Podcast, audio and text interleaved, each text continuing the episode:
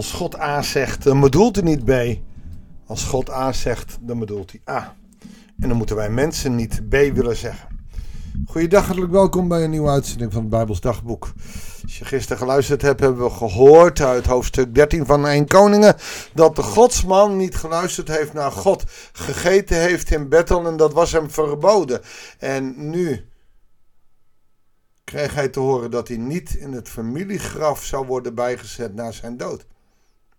Nou kan die dood nog heel lang uitgesteld worden en kunnen wij zeggen, joh, wat maakt het mij nou uit waar ik begraven word?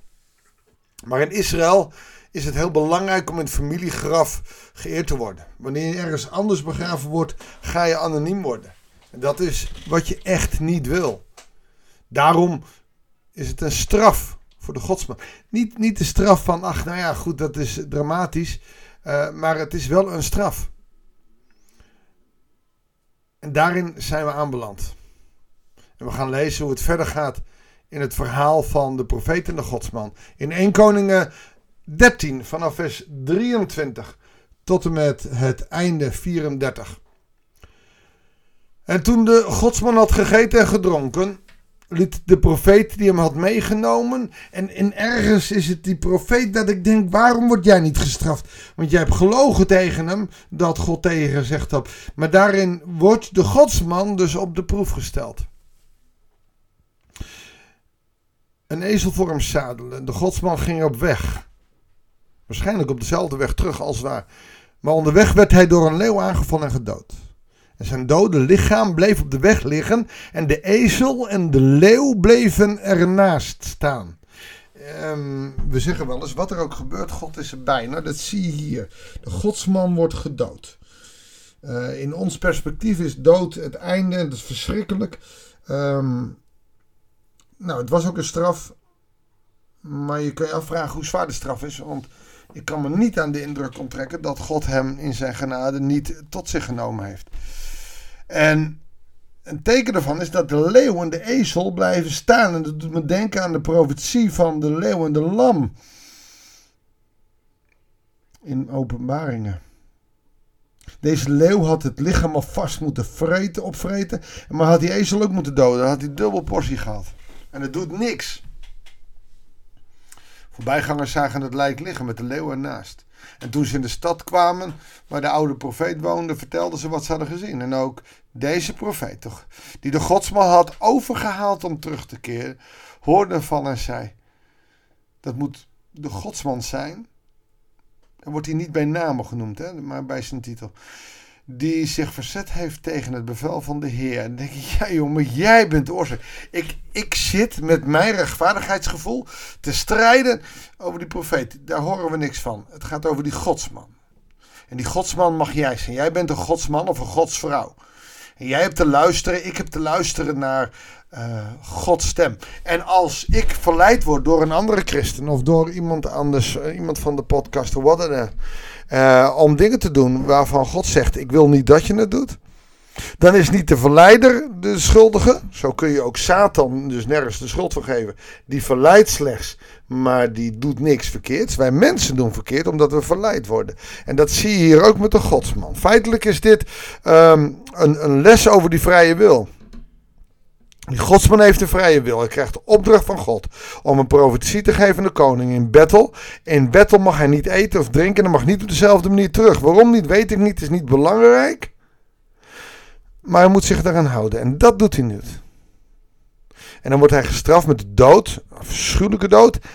En daar gaat het niet om. Want je ziet hier nog weer het wonder. Dus de verleider gaat op weg. Hij laat een ezel... Uh, klaarmaken en dan gaat op weg. De Heer, zij zegt, hij heeft hem laten verscheuren door een leeuw. Zoals hem wat voorzegt. Hierop droeg hij zijn zoon op een ezel voor hem te zadelen. En toen dat gebeurd was, reed hij uit. Hij trof het levenloze lichaam van de godsman liggend op de weg. Met de ezel en de leeuw ernaast. De leeuw had het lijk niet verslonden en de ezel niet verscheurd. En de profeet nam het lichaam van de godsman op. Dan moet je lef hebben als daar een leeuw staat die net iemand vermoord heeft. Legde hem op zijn ezel en nam hem mee terug naar de stad om het daar met gepaste rouw te begraven. Hij wordt niet levensloos daar op de grond gelaten. Hij wordt begraven.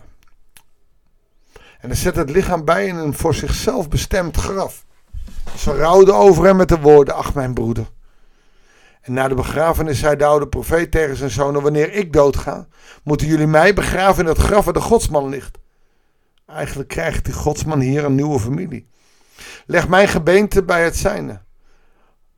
Want wat hij in opdracht van de Heer over het altaar in Bethel voorzegd heeft, zal uitkomen.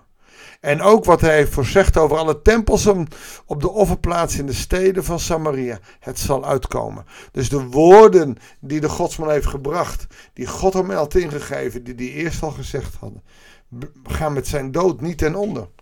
Maar zullen nog steeds uitkomen.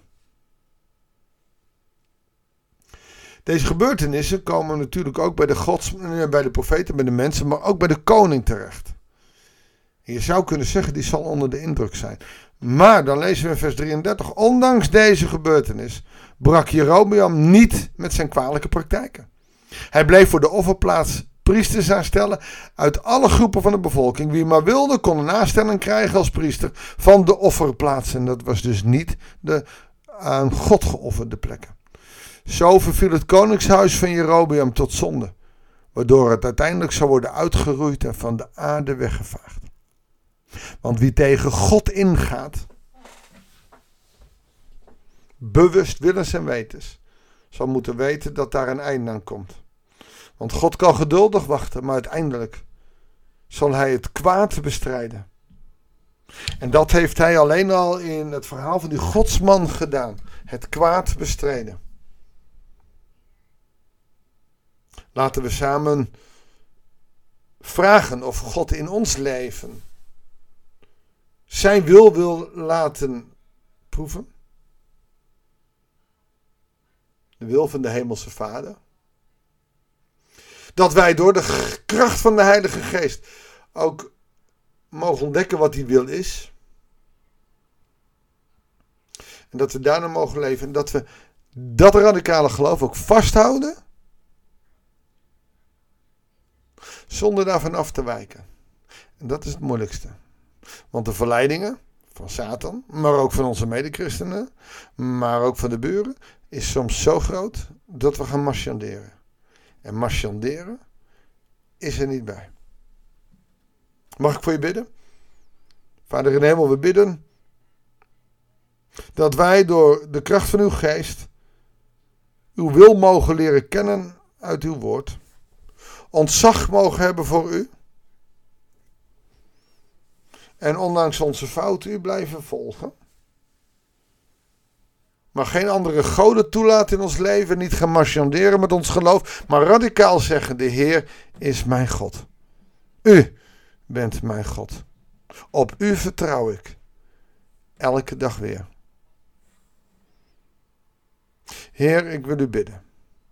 Wil dat bij alle luisteraars van de podcast ook doen. Help ze om uw wil te vinden. Of het nou door de podcast gebeurt of dat het nou op andere manieren gebeurt. Heer, leer ons. Want dat geldt ook voor mij elke dag weer. Uw wil te ontdekken. En daaruit te leven. Dat bidden we u. In Jezus' naam. Amen. Dankjewel voor het luisteren. Ik wens je God zegen. Zijn inzicht door de kracht van de Heilige Geest. Dat je vervuld mag worden met deze geest. En dat je vol van die geest God mag ontdekken. En hou vast wat Hij wil met jouw leven. Heel graag tot de volgende uitzending van het Bijbels Dagboek.